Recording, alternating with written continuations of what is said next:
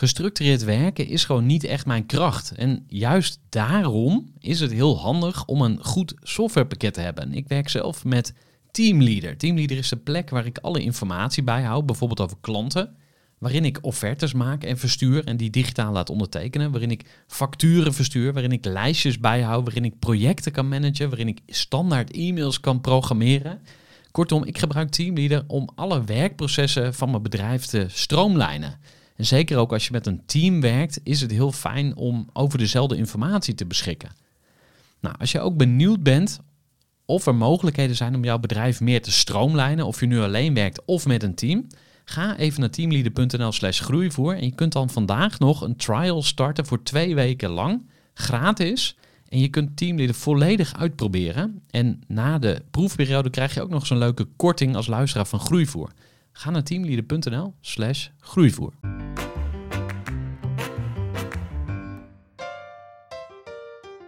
Van harte welkom bij weer een nieuwe editie van de Groeivoer podcast. Mijn naam is Gerard de Velde en ik ben vandaag op bezoek bij mijn goede vrienden Joren Harmani en Eimert Melwijk. En ik ben bij het bedrijf Groenpand. En Groenpand is een heel mooi en idealistisch bedrijf uit Utrecht. Maar ze werken in heel Nederland. Ze verduurzamen panden, zowel bij particuliere klanten als bij zakelijke klanten.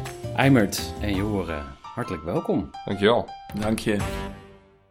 Mijn eerste vraag aan jullie. Hoe ziet jouw ochtendritueel eruit? Ja, zal ik me aftrappen, Joren? Hoe ziet mijn ochtendritueel eruit? Nou, ik ben net nog geen jaar geleden vader geworden. Dus in feite word ik uit bed gejankt s morgens en uh, ga ik zo snel mogelijk mijn zoontje Just voer geven, groeivoer. En daarna of naar de opvang brengen, of en daarna zo snel mogelijk naar werk natuurlijk. Want ja, ondernemen is super gaaf. En daar wil je iedere dag zoveel mogelijk tijd aan besteden. Jor? Ja, Eimert en ik zijn ongeveer dezelfde leeftijd. Dus voor mij krijg je ongeveer hetzelfde antwoord. Ik ben geloof ik een jaartje ouder dan Eimert. En dat betekent dat ik qua kinderen loop ik ook één of twee jaartjes uh, voor.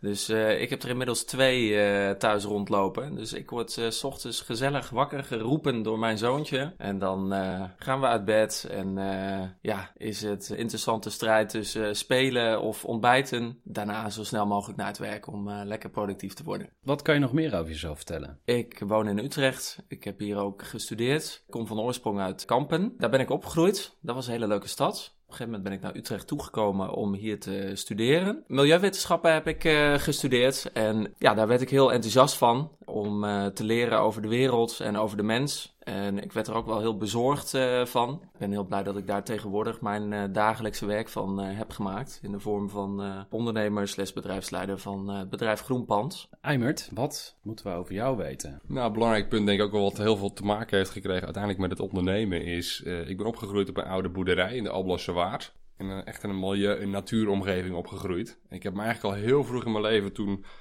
afgesproken met mezelf van ik ga sowieso iets met natuur of milieu doen. Misschien een boswachter worden of boer worden. Nou, het is eigenlijk geen van beide geworden. Het is duurzaam energieondernemer geworden. Maar hij heeft wel alles met elkaar te maken. Dus ik kom uit een heel veilig en lief, liefhebbend nest. En ik kan me eigenlijk mijn jeugd met name herinneren als vissend in de Merwede s'avonds een snoekbaarsje opbakken aan, de, aan het strandje. Later gaan studeren, niet heel verrassend, milieukunde.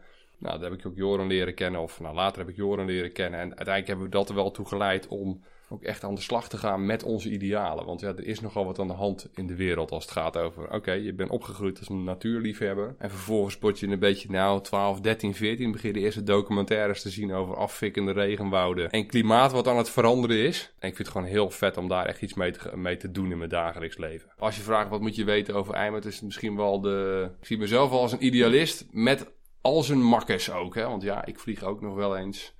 Ik heb ook een kind op de wereld gezet, wat natuurlijk het meest verschrikkelijke is wat je kan doen voor het milieu, zeggen sommige mensen wel eens.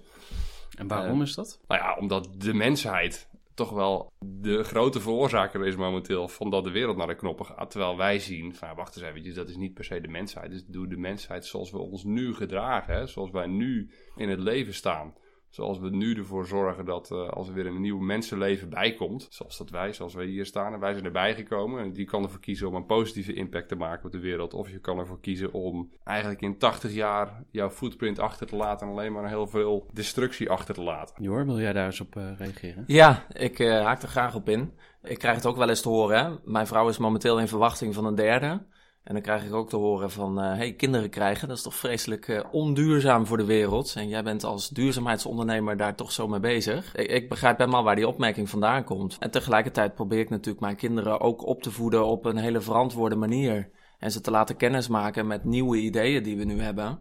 En dat gaat niet alleen over duurzame energie, waar wij als ondernemers natuurlijk ontzettend mee bezig zijn. Maar dat gaat ook over eetgedrag, hoeveel vlees je eet. Het gaat ook over hoe ga je met de natuur om. Het gaat ook over wanneer stap je wel of niet in het vliegtuig. Heb je echt als gezin twee auto's nodig? Of kun je ook met het hele gezinnetje samen doen met een deelauto? Enzovoort. Dus het gaat over heel veel verschillende dingen. Kan je iets meer vertellen over Groenpand? Ja, natuurlijk graag. En Eimert, misschien wil jij dan straks eh, aanvullen. Eimert en ik zijn allebei van uh, jongs af aan best wel veel bezig geweest met allerlei milieuvraagstukken. Ik weet nog dat ik op de middelbare school een uh, spreekbeurt heb gegeven over uh, zure regen. Nou, dat is een probleem waar je nu niks meer over hoort, maar waar ik me toen al druk over maakte. Van hey, ja, wat zijn we aan het doen? Zijn we nou een soort van chemicaliën de lucht in aan het blazen en dat dat weer neerkomt met regen en dat gebouwen en bomen daaraan doodgaan en dergelijke? Dat was echt iets waar ik me als ja, toch nog wel jong jongetje, of misschien een beetje beginnende tiener, waar ik echt een beetje van wakker kon liggen s'nachts. Waar ik me echt zorgen over maakte. Dat was echt wel een van de redenen dat ik na mijn uh, middelbare schooltijd naar Utrecht ben gekomen om milieuwetenschappen te studeren. Ja, dat was een hele brede studie waarin je heel veel leert over de planeet, maar ook over de mens en over de invloed die de mens heeft op de planeet. En ik kan dat eigenlijk niet genoeg benadrukken. Mensen onderschatten dat eigenlijk altijd. Hoe ontzettend veel impact het heeft wat we allemaal doen. Ik ben nu een boek aan het lezen, dat heet De Verborgen Impact. En dat gaat ook over het topje van de ijsbergprincipe. Ja, als je hier wat afval op straat ziet liggen, dan denk je misschien: oh, uh, waarom gooien mensen zomaar zo'n blikje weg of zo'n plastic flesje? Maar wat we niet zien, is wat er allemaal aan vooraf is gegaan. Die enorme productieketen uh, die daar nog voor zit. In mijn studie gingen we daar veel dieper op in en kon ik dat allemaal veel beter onder woorden brengen kon ik dat allemaal veel beter formuleren. Na de studie ben ik natuurlijk eerst uh, met het ondernemerschap in aanraking gekomen met mijn student. En uh, heeft ook even een zijspoortje gehad door wat meer de politiek in te gaan en het publieke domein. Maar op een gegeven moment, uh, wij zaten al een paar jaar achter de schermen, waren wij aan het praten over een soort, ja, wat tegenwoordig vaak social enterprise wordt genoemd. Dus een onderneming die een hele positieve impact maakt op de wereld. Daar waren wij over aan het brainstormen. En op een gegeven moment heeft dat geleid tot de oprichting van Groenpand. We dachten van, nou weet je, laten we ook maar gewoon beginnen. Dat is ook echt ondernemerschap. Dat is een belangrijke ondernemerstip. Als je erover nadenkt om te gaan ondernemen en het lijkt je wel wat, schrijf je gewoon in bij de Kamer van Koophandel. Ja, en begin gewoon. En ga het later gaandeweg maar ontwikkelen. Zo zijn wij in ieder geval wel begonnen. Zowel destijds met mijn student ben ik daarmee begonnen, met Gerard. Als nu uh, met Groenpand, met Eimens. We zijn gewoon zonnepanelen gaan verkopen. En om heel eerlijk te zijn, en excuses aan al die klanten die de indruk, eh, waar wij de indruk hebben gewekt, dat we heel goed wisten wat we deden. We wisten niet precies hoe een zonnepaneel werkte. En we hadden de eerste honderd hadden we al verkocht. Uh, zo ging dat gewoon. Daarna zijn we er veel en veel en veel meer over gaan leren. Nou, ik durf mezelf geen expert te noemen, maar tegenwoordig uh, weet ik echt wel mijn weg door een gebouw en de energiestromen die daar doorheen lopen. Ik weet wat zonnepanelen zijn, hoe ze werken, waar je ze het beste kan toepassen. En alles eromheen, ook van isolatie heb ik ontzettend veel geleerd. Over warmtepompen, hoe haal je gebouwen van het gas af enzovoort. Nou, dat is ook wat we doen met Groenpand. We maken gebouwen energie-neutraal, of soms als het kan en als de wil er is, maken we zelfs energie positief. Ja, ik heb misschien wat veel woorden nodig om dat uit te leggen. Maar nou, als je erover nadenkt, dan zijn eigenlijk alle gebouwen in Nederland, maar all over the world, zijn energieconsumenten. Ze verbruiken de hele dag door energie voor allerlei dingen. Dat kunnen gewoon lampjes zijn, of computers die aanstaan, of uh, je hi-fi set, of wat dan ook. Heel vaak is het ook de verwarming. Maar alle gebouwen staan gewoon de hele dag door energie te verbruiken. Er zijn maar een paar uitzonderingen en dat zijn die paar kolencentrales en gascentrales en dergelijke die we hebben in Nederland. Die leveren netto energie op. Wij zijn op een gegeven moment gaan denken van hé, hey, zonne-energie en andere vormen van duurzame energie, die zijn nu hard in opkomst. Dat vonden wij een hele interessante ontwikkeling. Nou, net als heel veel andere mensen op de wereld beseften wij wel, we moeten van die fossiele brandstoffen af. Maar wij dachten ook, kunnen we niet al die gebouwen niet alleen onafhankelijk maken van die fossiele brandstoffen, maar kunnen wij er niet voor zorgen dat we dat doen door die uh, gebouwen in plaats van energieconsumenten, door daar energieproducenten van te maken. Dus dat we eerst gaan kijken hoeveel energie kunnen we besparen in een gebouw. En dat allemaal al het overbodige weghalen. Gewoon de efficiëntie flink omhoog brengen. Daar valt soms wel 60, 70, soms zelfs 80% mee te besparen. En vervolgens gaan we daar energie opwekken. Dat doen we met name door middel van zonnepanelen en warmtepompen. En als je dat doet, dan kun je een gebouw in ieder geval vaak energie-neutraal maken. En in heel veel gevallen energie-positief. En dan zijn we dus eigenlijk allemaal kleine energiecentraletjes aan het creëren door het hele land heen. Als dat lukt, als alle gebouwen in Nederland energie-positief zouden worden, ja, dan kunnen die kolencentrales echt dicht. Dan kunnen die gascentrales echt dicht. Wij denken dat dit een oplossing is waar eigenlijk alle partijen baat bij hebben. Dat is groenpand. Niet in een notendop. Dat is me niet gelukt. Maar uh, dat is groenpand. Eimert, hoe ben jij eigenlijk ondernemer geworden? Ja, voor mij is op zich het ondernemerschap en ondernemer worden nooit per se een doel op zichzelf geweest. Het is meer een zoektocht geweest van, ik heb van jongens af aan altijd al idee gehad van ik wil iets met natuur, met milieubehoud. En het is voor mij echt een zoektocht geweest van wat is nou de manier waarop je dat het beste een grote bijdrage aan kan leveren. En uh, ik weet nog goed, ik heb mijn studie milieukunde echt, dat verslond ik echt die boeken. Ik vond het zo interessant en zo boeiend. Ik dacht van, hier, hier wil ik hier verder. En tegelijkertijd was mij wel het idee op dat moment van, de politiek, dat is waar het echt gebeurt. Dus ja, burgers en bedrijven, die volgen gewoon wat er in de politiek aan beleid wordt vastgesteld. Dat was voor mij de reden om daarin actief te worden. Eigenlijk ging dat ontzettend goed. Ik merkte dat ik daar klaarblijkelijk een talent voor had. Voor ik het wist was ik voorzitter van een politieke jongerenorganisatie. Later voorzitter van een, eh, een vakbond, uh, het CNV. Vervolgens uh, werkte ik ook voor de SER, de Sociaal-Economische Raad. Dat is een ja, instituut waar allerlei akkoorden worden gesloten, die vervolgens dan door de regering vaak worden overgenomen. Nou, dat heb ik vijf jaar gedaan en eigenlijk van het ene kwam het andere. En als je wat doet, nou, dat herkennen vaak mensen thuis waarschijnlijk ook wel, van, van het een komt het ander. En als je ergens talent voor hebt, dan voor je het weet kan je je hele leven daarmee bezig zijn. Maar op een gegeven moment kwam ik echt tot het punt, ook door gesprekken met Joren, van ja, maar wacht eens eventjes. Leuk al die akkoorden, maar gebeurt er nou eigenlijk ene barst mee? Dus weer zo'n, ja, er wordt weer een klimaatakkoord gesloten ergens in Kopenhagen destijds. Daar ging ik ook naartoe. Ik ging bij die klimaattoppen kijken en kijken van wat gebeurt daar allemaal. En wat je eigenlijk ziet, is dat heel veel beleid gewoon totaal niet wordt uitgevoerd. Dus er zijn geen bedrijven en burgers die zeggen, oh, daar gaan we echt mee aan de slag. En wat je ook ziet, is dat de politiek in een democratisch stelsel waar wij staan, bijna, bijna moedeloos staat ten opzichte van de opgave die er is. En dat er eigenlijk gewoon hele, hele ja, bedrijven met lef, zou je het kunnen noemen. Bedrijven met lef nodig zijn die zeggen, nou weet je, of ongeacht of er beleid is, wij gaan het gewoon doen. We gaan niet wachten tot een minister toch zegt van weet je, we gaan de gaskraan dichtdraaien. Nou, vijf jaar geleden was daar zeker geen sprake van. Dus we gaan ook, we gaan ook bedrijven, mensen niet verplichten om iets te doen. Dat gaat allemaal veel te lang duren. Laten we kijken wat we zelf kunnen doen. Nou, dat was ook, dat was nog jong. Dus ik denk van, nou, ik kan dat nog eens proberen in mijn leven. Als ik ergens een moment is om voor mezelf te beginnen, dan is het nu. Ik was toen eind twintig. Ja, we hebben er heel veel gesprekken over gevoerd. En op een gegeven moment was daar het idee: groenpand. Laten we echt panden gaan vergroenen. Nou, daar zijn we klein gestart. Ik kan me nog herinneren dat Joran en ik met z'n tweeën in een pandje hier in Utrecht-Zuid zaten. Dat waren mooie tijden dat eerste jaar, maar ook wel een enorme zoektocht. Van ja, heel gaaf, maar je hebt eigenlijk je, Joran zijn oude bedrijf achter zich gelaten. Ik mijn carrière in de politiek achter me gelaten. En vervolgens zit je op een of ander kamertje in Utrecht-Zuid te denken van, oh ja, uh, en nu? We hebben ook best wel moeten zoeken in alle eerlijkheid. En die eerste jaren vond ik ook best wel pittig. Uh, best lastig om ook te zien van, oh ja, wacht eens eventjes. Hoe gaan we dat dan echt doen? Je purpose vinden, maar niet alleen van hey, why. Je hebt wel die mooie van why, how, what. Nou, wij wisten heel erg onze why wisten we. Wij willen een beter milieu en onze methode daartoe is om groenpanden te gaan maken. Maar ja, waar gaan we klanten vandaan halen? Hoe krijgen we vertrouwen? En als je het hebt over tips, Joren had het net over, ja, begin gewoon. Daar ben ik het 100% mee eens. Maar ik wil er één ding aan toevoegen. Begin gewoon.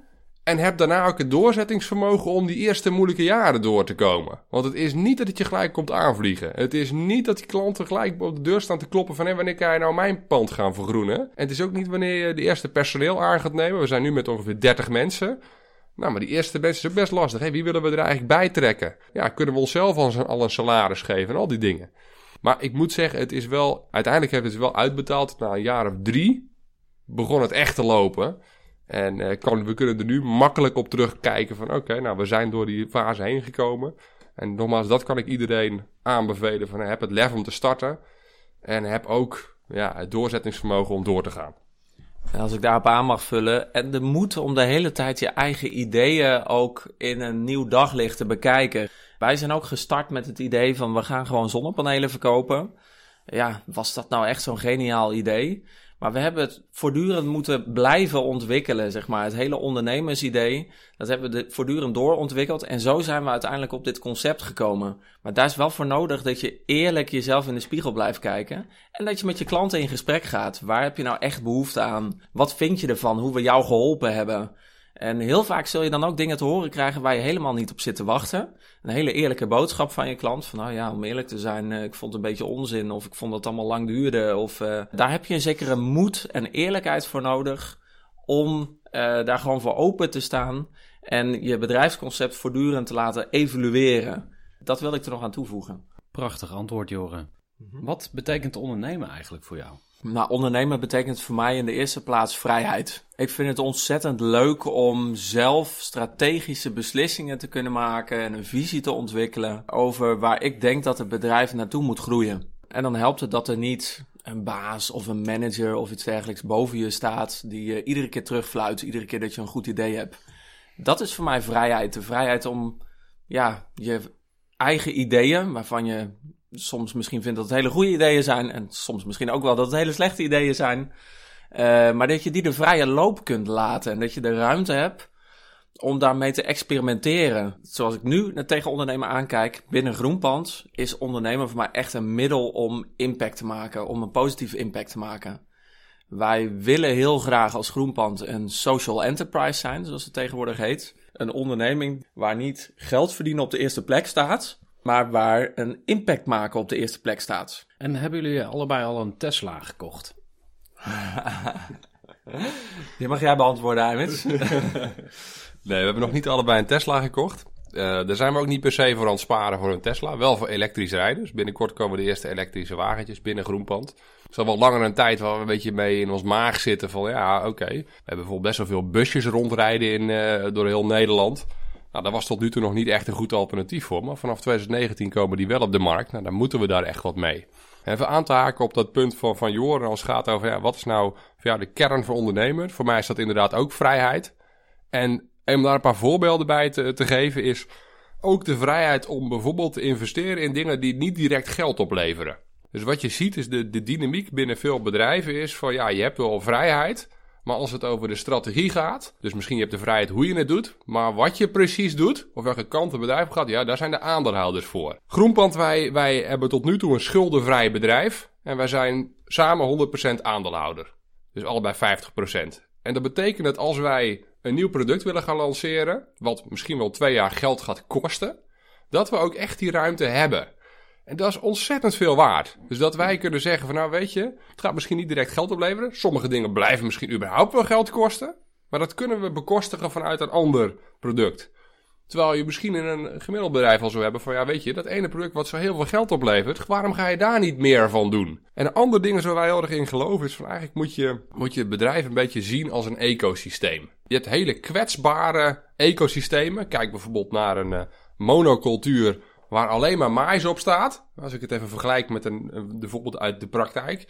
Als daar één beestje komt, één parasiet komt, kan het een heleboel op zijn gat liggen. Terwijl een ecosysteem, neem het tropisch regenwoud, wat al heel lang zo staat, dat is heel, helemaal niet kwetsbaar. Het groeit misschien ook, is ook wel iets minder productief. Dus uiteindelijk is het belangrijk, denk ik, om als ondernemer een soort van principes te hebben. En ook de vrijheid te hebben om die principes in ons geval zeggen, nou wij willen gewoon steadily groeien. En het kan best zijn dat sommige dingen geld kosten en niet direct geld opleveren. En die doen we ook om uiteindelijk een heel minder kwetsbaar bedrijf te zijn, maar ook dingen te kunnen doen zeggen, hé, maar hier kunnen we echt een grote impact maken. Dat zijn wat mij betreft dingen dus waar, waarin vrijheid in één keer concreet wordt. En waarbij het niet, want op zich, in ondernemerschap zitten namelijk ook best wel veel onvrijheden. Ja, we, we, zijn, we hebben steeds meer personeel.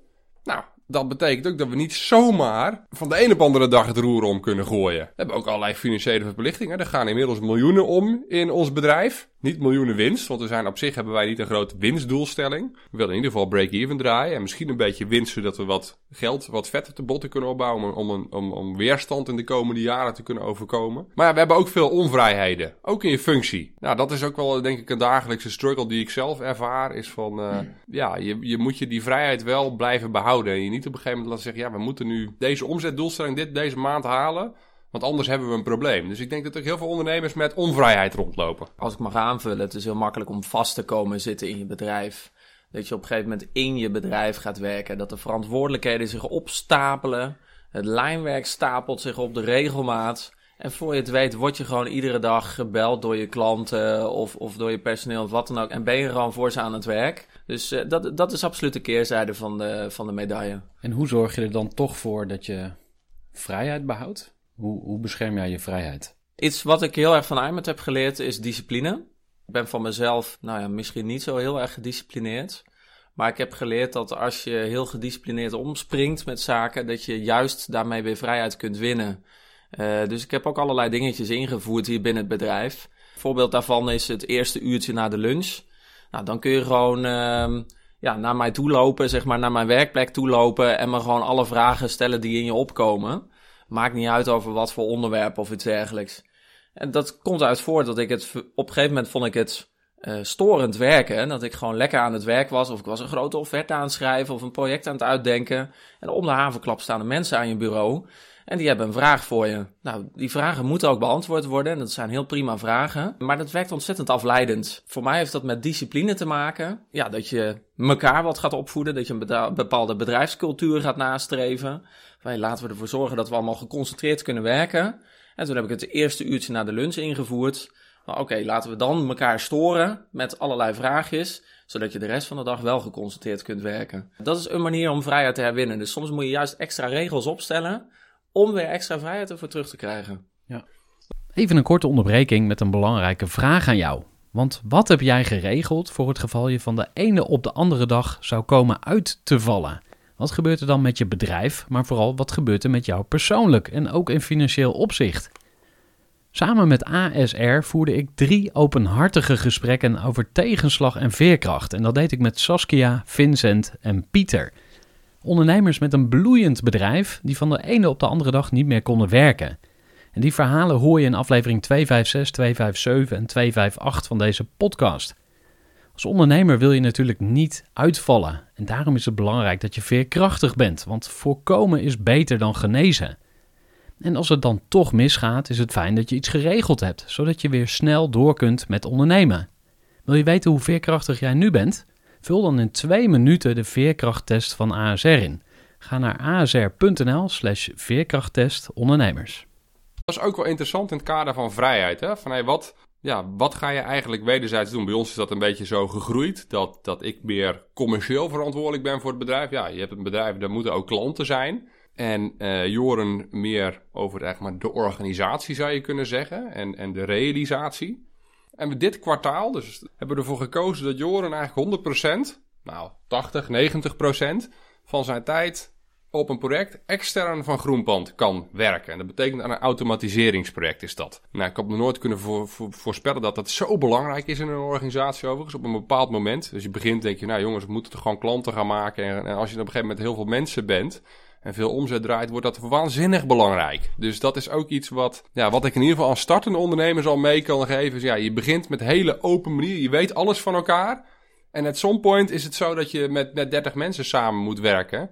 En dan zijn er echt wel heldere werkprocessen nodig en systemen en afspraken. Want anders loopt de boel gewoon spaak. En daar is Joren nu mee bezig. En uh, daar is hij ook echt veel beter in dan ik. En wij hebben eigenlijk gezegd, neem jij de vrijheid om eventjes los van het lijnwerk te staan. Dus inderdaad, heel de dag klanten die bellen, medewerkers die vragen hebben. Soms ook dingen die misgaan, die opgelost moeten worden. Wat zich heel slecht verhoudt tot deep thinking. Deep thinking. Dat je echt zegt, jongens, we moeten echt even afschakelen. En denken, wat doen we nou eigenlijk binnen Groenpand? Wat is ons doel ook alweer? Wat is nou echt een hele goede manier van klanten bedienen?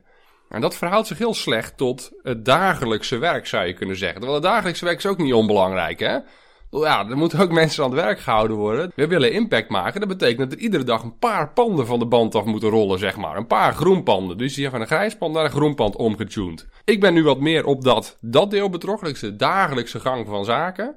En Joren is echt aan het uitzoomen op een heel briljant systeem te bouwen... waar wij tot in lengte van dagen een heel sterk fundament onder het bedrijf leggen. En terug naar vrijheid is dat moet je elkaar dus ook gunnen. Je moet je op bepaalde momenten ook gunnen van... oké, nou, volgens mij is dit nu nodig. Nou, dat kan een ander moment weer eens wat anders zijn. Een ondernemersduo zijn, dat is echt een beetje zoals een huwelijk, denk ik. Dat is met vlagen makkelijk, met vlagen ook, denk ingewikkeld. Maar wel, ja, je kan wel de best of both worlds eruit halen. Ook zien van, waar liggen nou elkaars krachten? Nou, toch, ja, we zijn nu vijf jaar onderweg als groenpand. Met vallen en opstaan inderdaad. Maar wel, ik denk ook door, het, door de talenten en de ideeën die we hebben samen, maak je er een succes van. We hebben het heel veel over jullie gehad, over jullie idealen en over jullie ondernemerschap. Maar ik zou graag ook iets meer willen weten over jullie team en de mensen die bij Groenpand werken. We hebben inmiddels een stuk of 25 of 30 mensen in loondienst werken bij Groenpand. En daarnaast hebben we nog een hele club zelfstandigen die eigenlijk voelen alsof ze... Nou, die zijn gewoon onderdeel van het team. En het voelt eigenlijk alsof die ook in loondienst zijn. En dat zijn er nog eens een keer een stuk of 15 of 20. Gisteren hadden we nog een hele leuke, inspirerende spreker hier van het bedrijf Voice. En die vergeleek ons, eh, die zei van nou, wij zijn een soort familiebedrijf, of in ieder geval een heel familiair bedrijf. En die vergeleken ons bedrijf daar ook mee. Die zei ja, de sfeer die ik in proef, dat lijkt heel erg op een familiebedrijf. Dat is ook het principe waar Aymet en ik allebei ontzettend achter staan. Dat streven we ook na. We zijn weliswaar geen familie van elkaar, maar we proberen wel die sfeer neer te zetten van een familiebedrijf. Van hey, je kunt je hier veilig voelen. Ja, er, gaan geen, er wordt niet over je gepraat achter je rug om of iets dergelijks. Er zijn geen gekke processen gaande. Er zijn geen ellebogen, uh, gevechtjes uh, die plaatsvinden om hogerop te kunnen komen ten koste van de ander. Dit gaat over bedrijfscultuur. En wij zijn heel bewust bezig om mensen te zoeken die op een hele fijne manier bij onze bedrijfscultuur passen. Uh, het woord DNA is misschien een klein beetje een modewoord, maar wij zijn daar wel heel erg mee bezig. Van wat voor DNA hebben wij nou als bedrijf, als groenpand zijnde, en wat voor mensen passen daarbij? Kan je dat omschrijven? Ik denk dat als we willen kijken naar wat voor DNA heeft groenpand, dan moeten in ieder geval Aymet en ik in eerste instantie naar onszelf kijken. Hoe zitten wij in elkaar? Wat past bij ons? En vervolgens ga je kijken, wat passen daar voor mensen bij? Dat betekent trouwens niet dat je alleen maar dezelfde mensen hoeft te zoeken of iets dergelijks. Hè? Dat iedereen hetzelfde moet zijn. Maar er zijn wel wat kenmerken die je eruit licht en waarvan je zegt van daar moeten mensen aan voldoen. Als ik kijk naar Aymet en mij, wij zijn allebei heel gedreven. We zijn gewoon allebei, we maken ons echt zorgen over wat we aan het doen zijn met de planeet als mensheid. En, en we zijn gewoon heel gedreven om daar oplossingen voor te vinden en te realiseren en daarvoor aan de slag te gaan. We willen ons daar heel graag voor inzetten. Nou, daar passen ook andere mensen bij die ook heel gedreven zijn. Dus dat is echt wel een eigenschap die in ons hele team zit. Een open, transparante, eerlijke manier van communiceren. Dat vinden we ook ontzettend belangrijk. Voor ons is dat een basisonderdeel van je veilig voelen bij het bedrijf, je werk goed kunnen doen. We doen ook heel vaak ja, wat wel een check-in wordt genoemd aan het begin van een overleg. Dat we even een soort persoonlijk rondje doen. Dat we bij iedereen even inchecken van hey, hoe sta je ervoor? Hoe zit je erbij? En soms zitten mensen dan met nou, hele positieve dingen, of mensen zitten gewoon lekker in hun vel. Maar soms zitten mensen ook met hele vreselijke dingen. Dus dat is iets wat we actief nastreven. En we proberen heel veel aandacht te hebben ook voor de menskant. En moeten mensen ook iets kunnen om bij jullie te werken? Wat voor skills zoeken jullie? Toch nog heel even om die vraag te beantwoorden, dat de luisteraars scherp hebben van wat doen we nou eigenlijk? We, eigenlijk we zijn Groenpand, dus we eigenlijk drie bedrijven. We zijn een ingenieursbureau, met hele slimme koppen die echt diep advies geven over hoe je energie, uh, hoe je een pand kan verduurzamen. We zijn een installatiebedrijf en we zijn net als Eneco en Nuon en Green Choice een energieleverancier.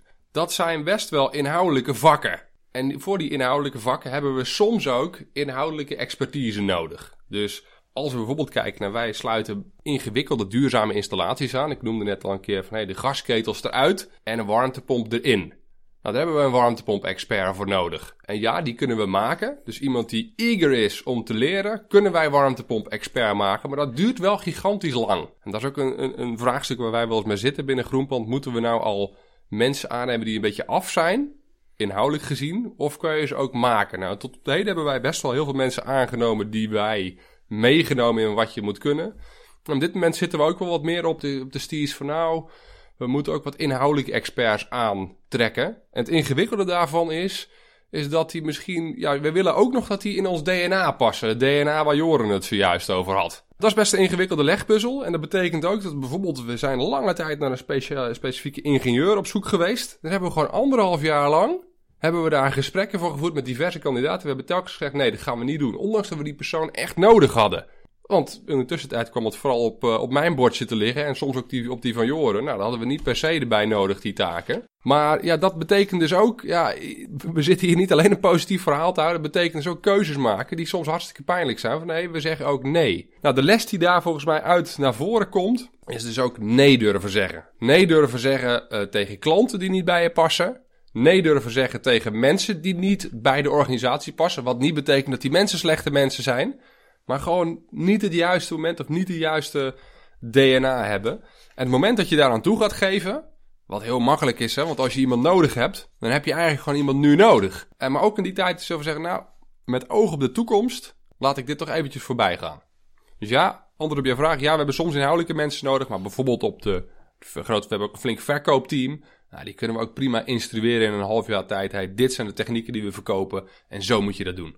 Zijn jullie momenteel op zoek naar nieuwe mensen? We zijn bijna, we zijn een technisch bedrijf, we zijn bijna voortdurend op zoek naar uh, mensen. En de hele branche in Nederland is momenteel tekort aan technisch personeel. Er ligt een enorme opgave voor ons om Nederland te verduurzamen. Met ons bedoel ik dan niet alleen Groenpand als bedrijf, maar gewoon alle bedrijven die hiermee bezig zijn. Überhaupt wij als maatschappij, als Nederlandse maatschappij, hebben als opgave om het land te verduurzamen. Dat betekent dat er gigantisch veel gebouwen verbouwd moeten worden. En uh, er zijn gewoon veel te weinig mensen om dat uit te voeren. Uh, dus wij zijn voortdurend op zoek naar goede installateurs, goede elektriciëns, goede uh, stekmonteurs enzovoort. Momenteel hebben we een paar vacatures uitstaan. Ook één of twee vacatures voor het vak van verkoopadviseur. Dat, zijn, uh, uh, dat is een functie die bestaat uit langsgaan bij mensen, mensen enthousiast krijgen voor het verduurzamen van hun woning en vervolgens een gepast advies uitbrengen. Uh, die vacatures zijn natuurlijk allemaal op onze website te vinden, groenpand.nl slash vacatures. Oké, okay. Eimert, kan jij uitleggen wat het zo leuk maakt om bij Groenpand te werken? Nou, wat het denk ik echt leuk maakt is dat het een, een, een zoektocht is die we samen doen. En dat is ook nooit klaar. Dus wij hebben een ontzettend groot, ja, big hairy goal noemen ze het wel eens. Hè? Wij willen Nederland uiteindelijk gewoon alle panden moeten van een grijs pand naar een groen pand. En dat is, tot nu toe zijn het eigenlijk druppels op een gloeiende plaat die we gedaan hebben. Wat het zo leuk maakt, is dat als je bij ons komt werken, is dat je dat echt samen kan gaan vormgeven. Dus niet we zeggen, dit is de blauwdruk en ga gewoon daarin marcheren in dat pad. Nee, je gaat het samen echt maken. En dat laten we ook zien als we samen resultaat boeken. Dan delen we ook samen de winst. Dat betekent bijvoorbeeld als wij in 2018 nu een echt goed jaar draaien. Dan doen we ook in januari 2019 doen we ook nog een winstdelingsregeling. Dus eigenlijk ben je een beetje ondernemer. En ik zeg toch wel een beetje erbij, want het is tegelijkertijd ook niet dat wij de lijn hebben, jongens. Iedereen kan hier zomaar gaan doen wat je wil gaan doen. En dat vind ik best wel een, dat, is een spanningsveld wat ik nu aangeef. Want ja, we hebben wel degelijk een aantal kaders die vaststaan. Als hier nu iemand zegt van nou, ik zou toch eigenlijk een kledinglijn willen gaan oprichten binnen het kader van Groenpand. Dan zeggen we nou, dat gaan we denk ik niet doen.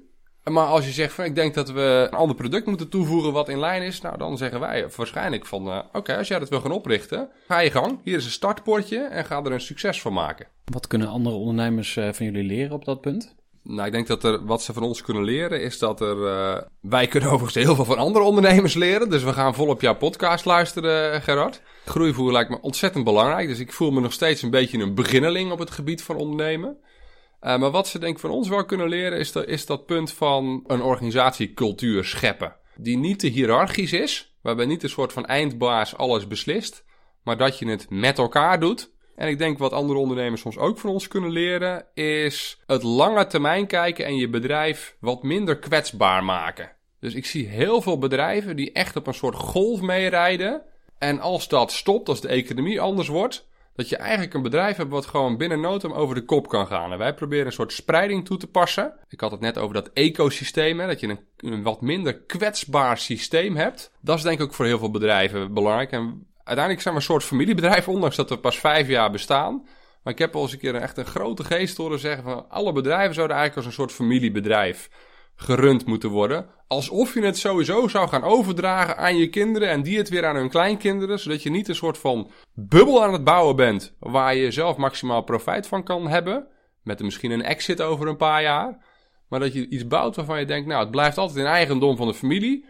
Dus ik kan maar beter een stabiel bootje bouwen hier, want anders ga ik het voor mijn kinderen staan opkloten hier. Onvoorwaardelijkheid. Dat is voor mij een kernwoord dat daarin zit, zeg maar. Dus wat andere ondernemers denk ik van ons kunnen leren is, wij bieden onze mensen heel veel autonomie. Je kunt heel erg zelf beslissen over hoe je je werk aanpakt en dergelijke. We geven je heel veel vrijheid, ook voor nieuwe ideeën. En daar is voor nodig dat wij eh, een soort onvoorwaardelijkheid bieden. Dus dat we niet gaan bekritiseren op iedere punt en komma of dat we steeds over je schouder staan mee te kijken wat je allemaal aan het doen bent. Maar dat je mensen vertrouwt. En stel dat jullie veel groter zijn dan nu, uh, bijvoorbeeld tien keer zo groot. Hoe, hoe ziet jullie rol er dan uit? Ja, ik heb net aangegeven, voor mij is ondernemerschap of het ondernemer zijn op zich geen doel op zich. Ik zie het echt als een manier waarbij je wat minder, je hebt geen leden of aandeelhouders direct, die bepalen wat jij gaat doen. Dat vind ik heel gaaf in deze periode. En tegelijkertijd, ik weet nog goed toen we aan het oriënteren waren op, op te gaan beginnen, heb ik ook uh, een gesprek gehad met de CEO van Shell. Dat was in de tijd dat ik meer in de politiek actief was. Ik geloofde toen echt in zeg maar, concentraties van macht. Nou, als je wat wil veranderen, moet je bij de concentratie van macht zitten. En dan werd me na dat gesprek wel duidelijk van, nou, ik denk dat hier nog niet helemaal de, geesten uh, rijp zijn. Maar mijn rol zou op een gegeven moment ook prima buiten het bedrijf kunnen, buiten het bedrijf kunnen liggen. Dus ik weet niet of ik per se zeg maar, de manager ben die dan die volgende vestiging gaat opzetten. En tegelijkertijd denk ik van ja, je moet ook nu eerst eens eventjes bewijzen dat je vrucht kan dragen als bedrijf. Dus niet alleen daar nu al mee bezig te zijn. Gewoon te laten zien van jongens, we, we, hebben, we realiseren echt iets. Want er zijn natuurlijk ontzettend veel mensen die een mooi verhaal hebben hoe de wereld verduurzaamd moet worden. En vervolgens gewoon geen, geen barst voor elkaar krijgen. Nou, ik heb nog niet het gevoel dat wij op het niveau zijn dat we dat maximaal hebben kunnen laten zien. Dus dat wil ik zelf ook laten zien. Ik wil laten zien dat wij op grote schaal mensen kunnen overtuigen om hun pand te gaan vergroenen. En als ik op een wat iets langere termijn kijk, nou, dan, dan, zie ik mijn eigen rol daar wel heel sterk in veranderen. Maar ik heb nog niet echt heel helder voor de geest wat dat dan is. Wat ik jou altijd hoor zeggen, Eimert, is uh, we moeten doen wat er nodig is. En daar sta ik 100% achter. Dat type ondernemers zijn wij ook. Je moet gewoon doen wat er nodig is. Als het nodig is om zelf het dak op te klauteren en zonnepanelen te, erop te schroeven, dan is dat wat we doen. Dat hebben we allebei wel eens gedaan. En als het nodig is om zelf tien afspraken op een dag af te lopen, om gewoon uh, bij mensen langs te gaan en uh, een offerte uit te brengen, dan uh, is dat wat we doen. Als het nodig is om wat te managen of te sturen, dan doen we dat. Ik denk dat dat heel veel ondernemers in de weg zit. Misschien terugkomend op jouw vraag, wat kunnen andere ondernemers van ons leren? Nou, wij kunnen inderdaad heel veel van andere ondernemers leren. Maar ik denk dat best wel wat ondernemers zijn die met een beetje te groot ego zitten. En als je daar overheen kunt stappen, als dat je lukt, dat je jezelf niet te tof vindt om gewoon met je handen in de klei te werken, dan kun je volgens mij heel ver komen. Dus hoe ziet onze rol er straks uit? Maakt mij niet uit als we maar bezig zijn met nog steeds het bedrijf de goede kant op te sturen en gewoon resultaten te boeken. Als ik daar nog één ding op mag aanvullen. Het fascinerende van het ondernemerschap vind ik wel is dat je eigenlijk ieder jaar een nieuwe baan krijgt. Zonder dat je een nieuwe baan krijgt. dus wij zijn inderdaad heel erg begonnen eigenlijk als medewerker in ons bedrijf. Zou je kunnen zeggen. Heel operationeel. En op een gegeven moment komen die eerste medewerkers, dan krijg je er eigenlijk een taak bij van, oh wacht even, die moeten ook aangestuurd worden, voor zover dat nodig is. Nou, als je op een gegeven moment nog meer een stapje groter wordt, dan moet je dus een strategie gaan doen. En eigenlijk, Joran en ik zijn al een paar keer van baan gewisseld, zonder dat we een nieuw titeltje of zo hebben gekregen. Nou heb ik daar persoonlijk niet zo heel veel behoefte aan om een nieuw titeltje te hebben. Maar het kan wel een heel mooi bewust moment zijn. Stel je voor je bent in loondienst. En je manager komt naar je toe en zegt: Nou, ik heb je nou een tijdje gevolgd. En volgens mij ben jij klaar voor. Puntje, puntje, puntje. Dan ga je daar eens over nadenken. En dan is het misschien op een gegeven moment 1 januari. En dan zeg je: Oh, ik begin in mijn nieuwe rol. Ik krijg een nieuw kantoortje misschien. Misschien een paar rituelen daaromheen. Je krijgt een paar schouderklopjes van andere collega's. Hé, wat tof dat je dat gaat doen. Ergens in jouw systeem gaat dan zitten: Oh ja, volgens mij ga ik nu echt wat anders doen. En als ik naar mezelf kijk nu, blijf ik nog wel eens hangen in wat er destijds nodig was. En dat gaat op een gegeven moment in je systeem zitten. Dat zijn bepaalde structuren, manieren van werken. Terwijl is er nu misschien wel wat anders nodig. En dan ben je eigenlijk niet een soort van metamorfose doorgegaan. En dat is wel iets wat. Ik weet niet of het iets wat andere ondernemers van kan leren. Maar waarschijnlijk dat ik voor andere ondernemers dat kan leren. Is van hoe kan je dat soort van overgangsrites voor jezelf vormgeven. En te zeggen: Oké, vanaf nu is mijn rol. Of dit zijn mijn. Uh, dit zijn mijn rollen. En dus die, die metamorfose, dat lijkt mij een heel belangrijk punt van het ondernemerschap. Hebben jullie uh, dingen waar je aan denkt? Of komt er iets bij je boven als ik de vraag stel: waar gaan jullie mee stoppen? Of waar gaan jullie mee beginnen? Ik ben zelf net gestopt met allerlei dingen. Aymet heeft het daar al over gehad, dat ik momenteel een groot project uh, aan het doen ben om het bedrijf te automatiseren. En daarvoor was het nodig om, om uh, zoals jij het noemt, om te stoppen met allerlei dingen. Voor mij is de essentie van stoppen is loslaten. Ja, of dat nou als ondernemer is of überhaupt in het leven, zeg maar. Ik denk dat heel veel mensen daarmee moeite mee hebben om dingen los te laten. Ik zelf ook zeker. Ik vind het soms heel lastig om, dan hebben we iemand aangenomen, die geven we een bepaalde verantwoordelijkheid of bepaalde rollen binnen het bedrijf. En die moet je, dat moet je dan ook echt gaan loslaten om iemand tot zijn recht te laten komen. Enerzijds moet je iemand voldoende empoweren en faciliteren om ervoor te zorgen dat zo iemand zijn werk goed kan doen. Maar je moet het ook loslaten. Je moet zo iemand de kans geven om zelf na te denken over hoe ga ik dat doen? Hoe ga ik de optimale resultaten uithalen? Uh, nou, bijvoorbeeld het onderdeel warmtepompen installeren van ons bedrijf. Heeft Aymet het ook al een paar keer over gehad. Dat product, of die dienst die wij aanbieden, die heb ik zelf opgezet binnen Groenpand. Op een gegeven moment hebben we daar iemand voor aangenomen die dat van mij over moest gaan nemen. Ik had me er zo in verdiept. Het was echt mijn kindje geworden, mijn babytje. Daar had ik heel veel moeite mee om dat los te laten. Dus aan het begin ging ik een paar keer per week met diegene zitten. Van, uh, hey, en hoe gaat dat? En uh, hou je wel contact met diegene? En uh, oh, weet je wel zeker dat je voor die fabrikant zou kiezen? Want daar heb ik ook dit en dit over gehoord. Kunnen we het niet beter zo doen? En op een gegeven moment dacht ik, ja, dit werkt voor geen meter. Dit is niet de autonomie die ik mensen eigenlijk beloof binnen ons bedrijf. Van, hey, kom bij ons werken en je krijgt autonomie. Dat kom ik nu totaal niet na. Ik moet dit gewoon keihard gaan loslaten, uh, zodat diegene gewoon kan gaan shinen in zijn eigen werk. Nou, dat is ook gelukt. En wat ik ontzettend leuk vond, diegene is later naar mij toegekomen. En ja, die heeft mij toen daar ook een compliment over gegeven van... hey, ik merk dat het je gelukt is om het los te laten. En dat vind ik ontzettend fijn. Nu kan ik mijn werk beter doen. Dat is voor mij een hele belangrijke les geweest. Overigens denk ik dat daarbij ook belangrijk is van... inderdaad, je hoopt dat mensen gaan shinen. En tegelijkertijd moet je dus ook het het falen dan een beetje durven te accepteren. Het is niet zo dat iedereen en alles zomaar lukt. Dus dat is wel weer de harde, weerbarstige realiteit van het hele verhaal. Is dat je dan ook kan zeggen: Ja, ik zie soms dat dingen beter kunnen. Daar heb ik ook echt een mening over. Ja, en je dan dan ook op de vlak te houden. Denk, nou, laat, laat toch maar lopen, dit hele, uh, dit hele verhaal. Ik heb een concreet voorbeeld van deze week. Van een zakelijke klant die zich gewoon echt bij ons gemeld had. Ja, wat in mijn ogen gewoon, ja, niet goed opgepakt werd.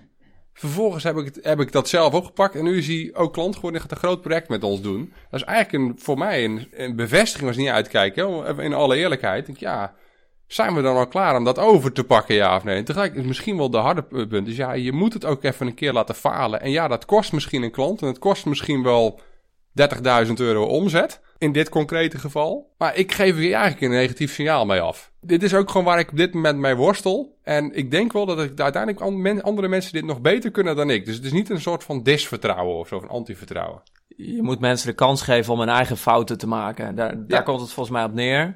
En je kunt niet in één klap vijf of tien jaar lang ervaring, dat kun je niet overdragen. Om mensen echt de kans geven om hun eigen lessen te leren. Joren, eh, denk jij dat jullie eh, in het bedrijf eh, genoeg managementpotentieel hebben? Mensen die leiding kunnen geven als jullie op wat meer afstand zijn? Ja, ik weet niet zeker of leiding geven en managen of dat hetzelfde is. Misschien bedoel jij daar nu wel even hetzelfde mee. Als je bedoelt leidinggevend potentieel. Nou, ik denk dat Aymet en ik vinden het allebei ontzettend leuk in ieder geval om te leiden. En wij geloven allebei heel erg in het principe het goede voorbeeld geven, leading by example, zoals het wel wordt genoemd. En wij vinden het allebei ontzettend leuk om mensen te inspireren, uh, met mensen in gesprek te gaan over hoe ze meer uit zichzelf kunnen halen. Al dat soort zaken. En dat zijn toch belangrijke leidinggevende kwaliteiten. Of dat verder nog in ons bedrijf zit. Ja, er zijn wel een aantal mensen die dat potentieel ook hebben. Er zijn ook een aantal mensen die dat, nou, denk ik, minder hebben of die daar geen enkele behoefte aan hebben. Dat is ook prima. Als je het hebt over managen, het is grappig dat je daarna vraagt, want wij zijn momenteel heel erg bezig met de vraag: ja, hoe zien we onze organisatiestructuur voor ons? We hebben net een beetje de omvang bereikt. Ik zei het er straks al, 25 tot 30 mensen in dienst. Plus nog een kluitje uh, zelfstandigen van een stuk of 15 of 20 mensen die daar omheen hangen. En die ook op hele regelmatige basis voor ons werken. Dat is precies de omvang dat het echt interessant wordt om na te denken over ja, hoe zit onze organisatie, hoe is het gestructureerd? Gaan we het heel hiërarchisch inrichten met allemaal managers en die weer topmanagers hebben enzovoort? Of gaan we het proberen heel plat te slaan? En welke vraagstukken brengt dat dan weer met zich mee? Nou, dat is een vraag waar we nu heel erg mee bezig zijn. Dus ik ben mezelf bijvoorbeeld momenteel echt even aan het verdiepen in een aantal uh, organisatiemodellen. Zoals dingen als agile of lean of iets dergelijks. Dat zijn termen die je misschien wel kent. Uh, daar ben ik wat boeken over uh, aan het lezen. Ook over holacracy. Dat gaat over ja, dat je de mensen regeert. Dat gaat eigenlijk over zelfsturende teams. Uh, dat zijn allemaal onderwerpen waar ik momenteel best wel mee bezig ben. Ik wil het niet te groot maken, maar wij moeten wel ergens de vraag beantwoorden. Ja, gaan we allerlei hiërarchische lagen in onze bedrijven aanbrengen? Of gaan we dat op een andere manier vormgeven? En hoe dan? Nou, Eimert en ik gebruiken allebei de natuur heel sterk als inspiratiebron. Eimert heeft het er straks al over, uh, een paar keer over ecologie gehad en over ecosystemen. Ik ben daar ook ontzettend door geïnspireerd. Ja, daar ben ik ook naar aan het kijken van, hey, hoe werkt dat in de natuur? Hoe werken organismen met elkaar samen? Of binnen één organisme, hoe werken de verschillende cellen met elkaar samen? En dat is eigenlijk nooit op basis van, uh, of, of bijna nooit op basis van hele sterke hiërarchie, dat er allerlei ja, managementstructuren zijn aangelegd, maar heel vaak op basis van autonomie. Nou, gelukkig past dat begrip autonomie al heel goed bij ons. Dus dat is een principe waar ik me heel graag door wil laten leiden.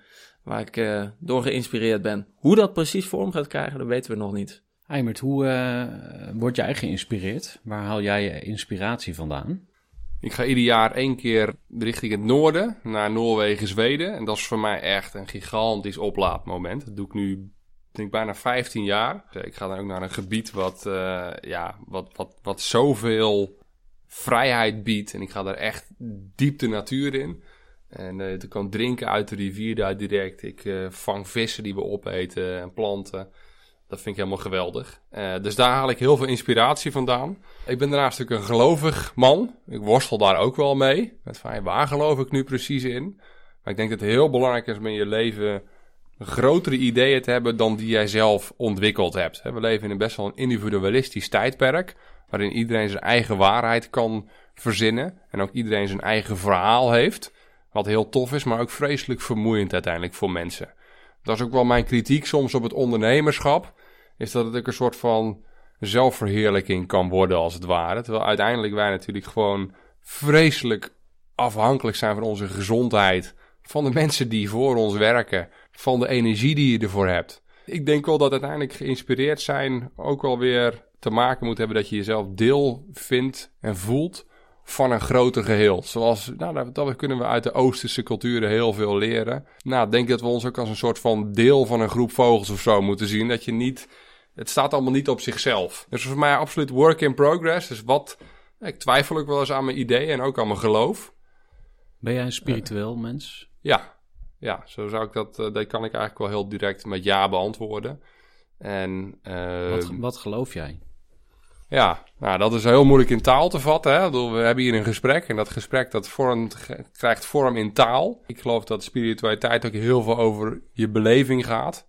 En, en niet alleen dat ik even nu in drie woorden kan uitleggen waar ik, ja, waar ik in geloof. Maar wat ik in ieder geval wel geloof is dat, er een, nou, dat, dat dit leven niet alleen maar een soort randomness is.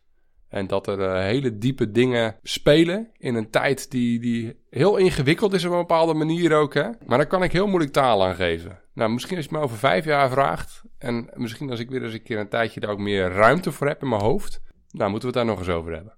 Hoe wil jij in 2019 meer ruimte creëren in je hoofd? Nou, allereerst de, de vraag natuurlijk van hey, meer ruimte creëren. Ik, ik ben ontzettend blij en ook dankbaar voor de mogelijkheden die we hebben om zo'n heel gaaf bedrijf als Groenpand neer te zetten. En om een familie te starten waar ik nu mee bezig ben. Dus ergens is dat ook. Moeten we uitkijken dat het altijd zeg maar de, de, de, de toekomst beter gaat zijn. Hè? Dat je zegt, nee, weet je, nou, nu ga ik straks meer vrijheid creëren en dan ga ik dat en dat en dat doen. Dus aan de ene kant denk ik van nee, ik ga gewoon lekker doorzetten waar ik al mee bezig ben. Maar ik zou best wel eens een keer bijvoorbeeld een maand erop uit willen gaan. Dat heb ik afgelopen jaar eigenlijk nooit gedaan. Dus een keer maximaal twee weken. Dus dat is misschien iets. En zo'n dag per week. En dan ook aan mezelf de valkuil te ontkomen om dan een agenda te maken. En Joran en ik hebben sinds kort hebben wij nu een maandelijks etentje staan. Dat heeft ons vijf jaar geduurd om die ruimte te vinden. En, en dan vinden we het ook nog lastig om geen agenda te hebben, maar gewoon eens een keer een lullenpot op te hangen. En na te denken en daar energie van te krijgen. Wat gaan we eigenlijk doen? Dus dat, ik denk dat als we de komend jaar niet, niet heel veel anders gaan doen, dat het bedrijf al aardig doorloopt. Nou, dan moeten we echt voor onszelf bedenken van, daar hebben we heel hard aan gewerkt. Hè? Want tot nu toe, denk twee jaar geleden, als wij waren gestopt met werken, dan stopte het bedrijf ook. Terwijl nu loopt er iets door. En van die vrijheid, dat is echt vrijheid. Ja. Dus als wij het gevoel hebben, het loopt gewoon door. Nou, die vrijheid moeten we ook maximaal gaan benutten. Mooi. Dus jullie gaan misschien wel meer chillen in 2019. Meer de stilte opzoeken misschien. Ja, meer dromen. Ondernemen als ja. dromer. Of, Ja. dromen lijkt mij heel gaaf om daar weer meer mee bezig te zijn. Wat dus echt ook ten grondslag ligt aan dit bedrijf. Hè. Voordat wij zijn gestart, oh, we, hebben, we hebben echt jaren, of nou, in mijn gevoel jaren, misschien is het niet geen jaren geweest. Maar het bos ingegaan en ideeën gewisseld. En dat geeft mega veel energie. Ja, daar komen ook de beste ideeën uit voort. Het is een hele lange stuk al geweest. Toen ik ooit ben begonnen met ondernemen. Dat was een beetje, nou laten we maar zeggen, formeel 2008 in ieder geval. Maar voor die tijd ook al wat informeel eh, ondernemerschap. Toen wij zijn begonnen met ondernemen, toen ben ik begonnen ook met zeven dagen per week te werken. Nou, dat was een heel slecht idee. Dat staat ook al in de Bijbel. Eh, de zevende dag zult gij rusten. Daar hadden we ons echt aan moeten houden. Want voor ik het wist, was ik gewoon eh, best wel eh, nou ja, overwerkt, wil ik niet zeggen. Maar wel dat je zo in je hoofd alleen maar bezig bent met de dagelijkse werkzaamheden. En dan ontstaan er geen grote ideeën meer. Dan is er geen ruimte meer voor reflectie van, hey, zitten we eigenlijk wel op het juiste pad? Dan is er geen ruimte om grote dingen te doen of aan projecten te werken. Dan leef je alleen maar in de waan van de dag. En daar zat ik aan het begin van mijn ondernemerschap, van ons ondernemerschap, zat ik daar wel echt in opgesloten.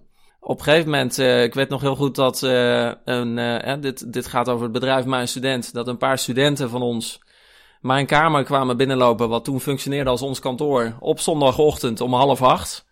En toen was ik er echt klaar mee, toen lag ik nog in bed.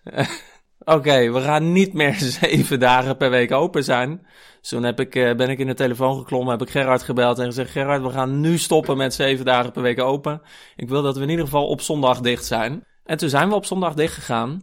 Toen ben ik teruggegaan naar zes, eh, of, eh, naar zes dagen per week werken. En op een gegeven moment zijn we ook op zaterdag in ieder geval zelf niet meer gaan werken. Dus terug naar vijf dagen per week werken. Vorig jaar heb ik eh, voor het eerst eh, de stap gezet om, eh, ben ik met Aymet in gesprek geweest van, en heb ik de stap gezet om één dag per week juist ruimte te nemen voor dat dromen waar Aymet het net over had. Om lekker te ontspannen, eens lekker door het bos te lopen een hele dag of gewoon wat boeken te lezen en lekker uit te zoomen. En ik ben ontzettend blij met die beslissing. Ik ben eh lange weg eh, moeten gaan, zeg maar, van zeven dagen per week werken naar eigenlijk vier dagen per week in je bedrijf werken, om het maar even zo te noemen. Maar dat doet me ontzettend veel goed. Lekker uitzoomen, lekker wegdromen, dan ontstaan de beste ideeën. En ik merk dat ik er gewoon gewoon ja, door de week beter tegen kan. Dat ik makkelijker dingen kan loslaten. Dat ik makkelijker mensen kan ja, inspireren om met bepaalde zaken aan de slag te gaan. Dus eh, heel erg belangrijk. En waar droom ik dan van? Zoals het net ook al zei, van ik heb heel veel ideeën over hoe we echt Nederland kunnen verduurzamen of hoe we gebouwen echt kunnen vergroenen. Dat geldt voor mij ook. Wat zie je dan voor je? Wat, wat, wat komt er voor je ogen, zeg maar? Wat, wat, wat, ja, wat zie je echt fysiek, zeg maar? Hoe ziet dat eruit? Nou, ik denk dat er heel veel dingen zijn in onze maatschappij waar we vanaf moeten. En in heel veel van die dingen, daar zijn we ook al afstand van aan het nemen. Sommige mensen lopen daar veel meer in voor dan andere mensen. Uh, er zijn ook mensen die daar nog totaal niet mee bezig zijn. Die in mijn ogen in ieder geval nog in de oude wereld leven of in de oude maatschappij. Maar ik droom echt van ja, een andere wereld. Ja, a brave new world zou je kunnen zeggen. Een wereld waarin de mens veel beter omspringt uh, met de natuur. Veel meer respect heeft voor de natuur. Waarin mensen ook respect hebben voor elkaar en uh, veel prettiger met elkaar omgaan. Als je ook kijkt naar ons consumptiegedrag. Mensen vluchten in goedkope consumpties. ontzettend veel tienerjongens en meisjes die hebben als hobby om te gaan shoppen.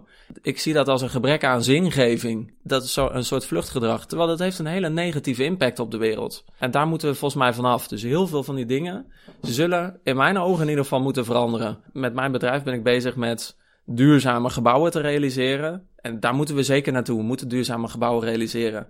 Maar ik denk ook dat we minder moeten gaan consumeren. Gewoon minder spulletjes kopen. Moeten minder plastic gaan verbruiken en dergelijke. Moeten ook minder dol worden op onze elektronische gadgets. Ik denk dat we wat minder moeten gaan vliegen. Uh, minder vlees moeten eten en andere dierlijke producten. Dat klinkt allemaal minder, minder, minder. Maar ik denk dat het leven daardoor juist meer waard wordt. Dat is een beetje de gedachte van het minimalisme. Dat zie je ook steeds meer mensen doen, dat ze aan het ontspullen zijn. Dat klinkt als een modewoord, maar dat kan heel veel zingeving opleveren. Dat kan heel veel vrijheid geven, heel veel rust. Ah, heerlijk. Nu kan ik met de mooie dingen uh, uh, in het leven bezig zijn. Hoe gaat het eigenlijk met mijn buurvrouw of met mijn moeder? Of uh, laat ik mijn vrienden eens opzoeken? Of laat ik eens lekker door het bos gaan lopen of fietsen? dat zijn voor mij in ieder geval de mooie dingen in het leven. Dat zijn allemaal immateriële dingen. Dat is hoe ik de nieuwe wereld voor me zie. Als ik het probeer in woorden te vatten. Dankjewel.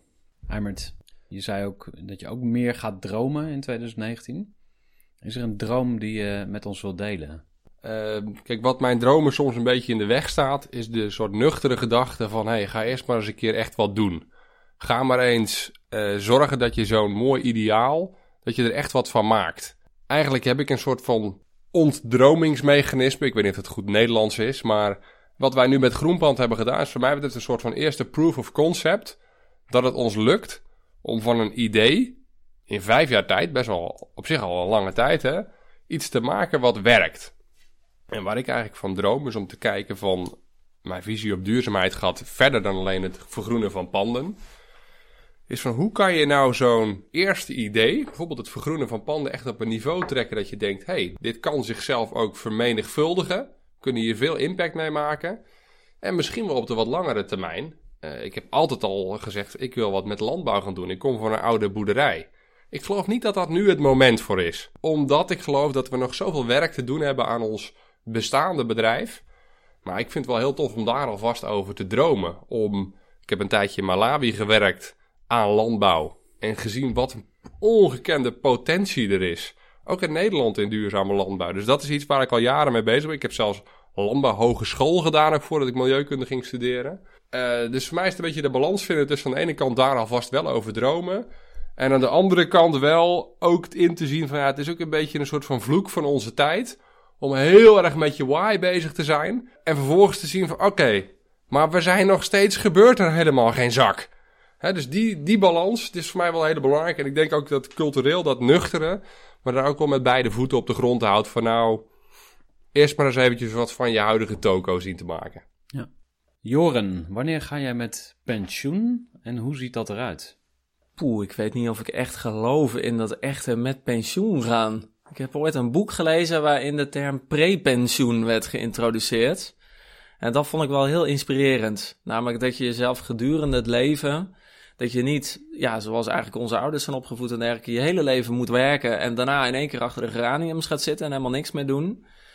Ik zou het veel leuker vinden om in mijn hele leven actief te blijven, maar actief te blijven inzetten voor een bedrijf als Groenpand, zeg maar, of voor een betere wereld. Dat is waar ik me het liefste voor inzet. En daar is wel voor nodig dat ik ook gezond blijf en dat ik ook ontspan. Ik zou heel graag een paar keer in mijn leven nog een mooie reis willen maken, of een berg willen beklimmen, of een keer een halfjaartje gaan zeilen of iets dergelijks op de Middellandse Zee. Ik noem maar wat dingen, wat idiote dingen. Daar heb ik nu absoluut geen ruimte voor, in mijn hoofd en in mijn leven niet. Maar dat zou ik heel graag willen doen. En ik hoop dat ik dat voor mijn 65ste mag doen. Geloof jij dat je dat min of meer kan creëren?